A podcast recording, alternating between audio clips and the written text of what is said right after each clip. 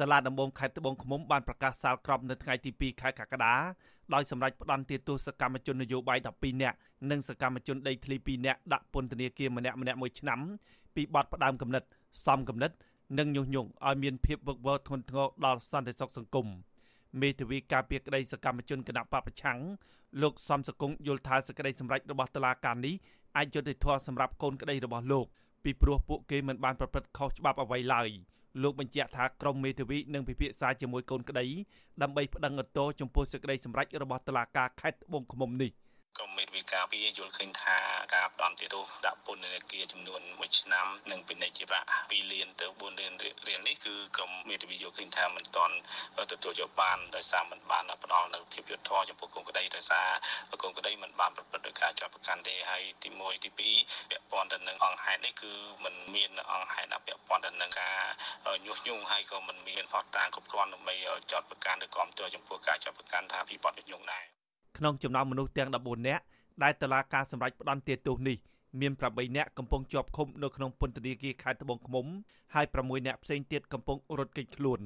ក្នុងចំណោមអ្នកជាប់ឃុំទាំង8នាក់នោះមាន6នាក់គឺជាសកម្មជនគណៈបពប្រឆាំងមានជាអាចលោកស៊ូយៀនលោកម៉ាក់សំអាន និងលោកស្រីខនតូនចំណែក2នាក់ទៀតគាត់គឺជាតំណាងសហគមន៍ក្រីក្រ និងសកម្មជនដីធ្លីរួមមានលោកផុនសុផល និងលោកសែមចំណាន អាជ្ញាធរបានចាប់ខ្លួនពួកគេជាបន្តបន្ទាប់តាំងពីឆ្នាំ2020រហូតដល់ខែមករាឆ្នាំ2021ដោយសារតែរឿងពាក់អាវដែលមានពាក្យថាអគុណសន្តិភាពត្រូវតែគោរពមាត្រា2នៃរដ្ឋធម្មនុញ្ញនិងការប្រមូលផ្ដុំតវ៉ានៅពីមុខស្ថានទូតចិននៅរាជធានីភ្នំពេញក្នុងអំឡុងខួបកិច្ចព្រមព្រៀងសន្តិភាពទីក្រុងប៉ារីសថ្ងៃទី23ខែតុលាជុំវិញរឿងនេះប្រពន្ធសកម្មជនគណៈបពប្រឆាំងដែលកំពុងជាប់ឃុំលោកស៊ូយៀន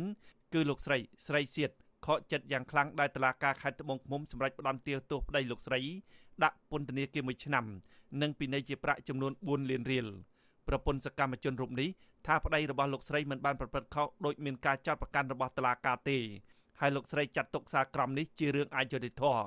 លោកស្រីស្នើសុំឲ្យតុលាការជាន់ខ្ពស់មួយនេះទម្លាក់ចោលការចោទប្រកាន់ និងដោះលែងប្តីលោកស្រីឲ្យមានសេរីភាពឡើងវិញពីព្រោះប្តីលោកស្រីកំពុងមានជំងឺប្រចាំកាយនៅក្នុងពន្ធនាគារនិងត្រូវការព្យាបាលនិងយកចិត្តទុកដាក់ពីក្រុមគ្រួសារ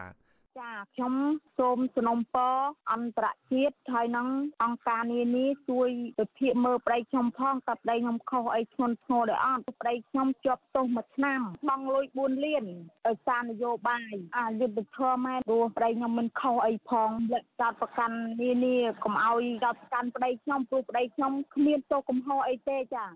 ស្រដៀងគ្នានេះដែរម្ដាយរបស់សកម្មជនដីធ្លីដែលកំពុងជាប់ឃុំលោកផុនសុផលគឺលោកស្រីភឹមរិទ្ធ លើកឡើងថាលោកស្រីមិនអាចទទួលយកសេចក្តីសម្រេចរបស់តុលាការខេត្តត្បូងឃ្មុំនេះទេព្រោះកូនប្រុសរបស់លោកស្រី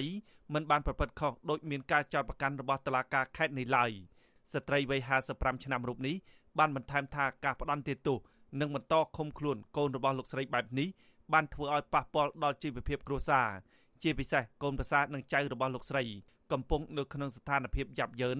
ដោយសារតែបាត់បង់មេគ្រួសារ គុំត្រូវដោះលែងមកបើមិនដោះលែងខ្ញុំព្រមទេនិយាយយ៉ាងកូនខ្ញុំគ្មានកំហុសអីទេខ្ញុំពិបាកណាស់លោកគ្រូនឹងខ្ញុំប្រាប់លោកត្រង់ខ្ញុំពិបាកណាស់កូនខ្ញុំក៏ឈឺខ្ញុំក៏ឈឺហើយប្រពន្ធវាក៏កូនខ្ចីមិនដឹងរੂអីដាក់អីស៊ីទេឈ្នួលគេទេលោកគ្រូរំបានហូបហើយយកបើខ្ញុំបានអីដូចថាអោយកូនរើខែខ្ញុំដេខ្ញុំមិននេះរੂទីហូបមិនបានដូចគ្នានឹងមេធាវីនិងគ្រួសាររបស់សកម្មជនទាំងនោះដែរ អង្គការសង្គមស៊ីវិលផ្នែកសិទ្ធិមនុស្សសោកស្ដាយចំពោះសេចក្តីសម្រេចរបស់តុលាការខេត្តត្បូងឃ្មុំអ្នកនាំពាក្យសមាគមការពារសិទ្ធិមនុស្សអាត់ហុកលោកសង្សានករណីមានប្រសាសន៍ថាសកម្មជនទាំងនោះមិនបានប្រព្រឹត្តបទល្មើសអ្វីនោះទេហើយសកម្មភាពរបស់ពួកគាត់គឺបានប្រើប្រាស់សិទ្ធិក្នុងនាមជាប្រជាពលរដ្ឋខ្មែរដើម្បីចូលរួមជីវភាពនយោបាយនិងសម្ដែងមតិស្របទៅតាមច្បាប់ រឿងសកម្មជននយោបាយក៏ដូចជាសកម្មជនសង្គមឬក៏បរិស្ថានអីទាំងអស់នេះខាងសង្គមស៊ីវិលយើងយើងតែចាត់ទុកថាជាករណីនយោបាយជាងករណីអនុវត្តច្បាប់មិនសមណានឹងពួកគាត់មានទោសទណ្ឌអ្វីនោះទេពីព្រោះរឿងទាំងអស់នេះគឺពួកគាត់បានអនុវត្តនៅសិទ្ធិរបស់គាត់ក្នុងនាមជាពលរដ្ឋដែលរស់នៅក្នុងសង្គមលទ្ធិប្រជាធិបតេយ្យអាស្រ័យទៅដោយរដ្ឋធម្មនុញ្ញដែលជាច្បាប់កម្ពុជារបស់ខ្លួនដែលបានផ្ដល់សិទ្ធិឲ្យពួកគាត់ចូលរួមយ៉ាងសកម្មនៅក្នុងជីវភាពនយោបាយសេដ្ឋកិច្ចសង្គមអីទាំងអស់ហ្នឹង ចាប់តាំងពីដើមឆ្នាំ2020ដល់ខែមិថុនាឆ្នាំ2021នេះអាជ្ញាធររបបលោកហ៊ុនសែនបានចាប់ខ្លួនសកម្មជននយោបាយសកម្មជនបរិស្ថានព្រះសង្ឃខ្មែរថាវរៈសកម្មជនសង្គមនិងយុវជនចំនួន80នាក់ដាក់នៅក្នុងពន្ធនាគារ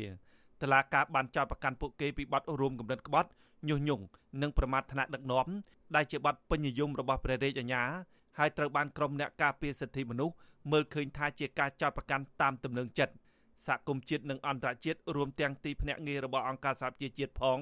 បានបញ្ចេញប្រតិកម្មថ្កោលទោសចំពោះករណីនេះនិងទាមទារឲ្យរបបលោកហ៊ុនសែនទម្លាក់ចោលការចោទប្រកាន់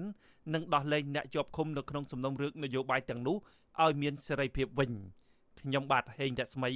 អាស៊ីសេរីពីរដ្ឋធានីវ៉ាស៊ីនតោន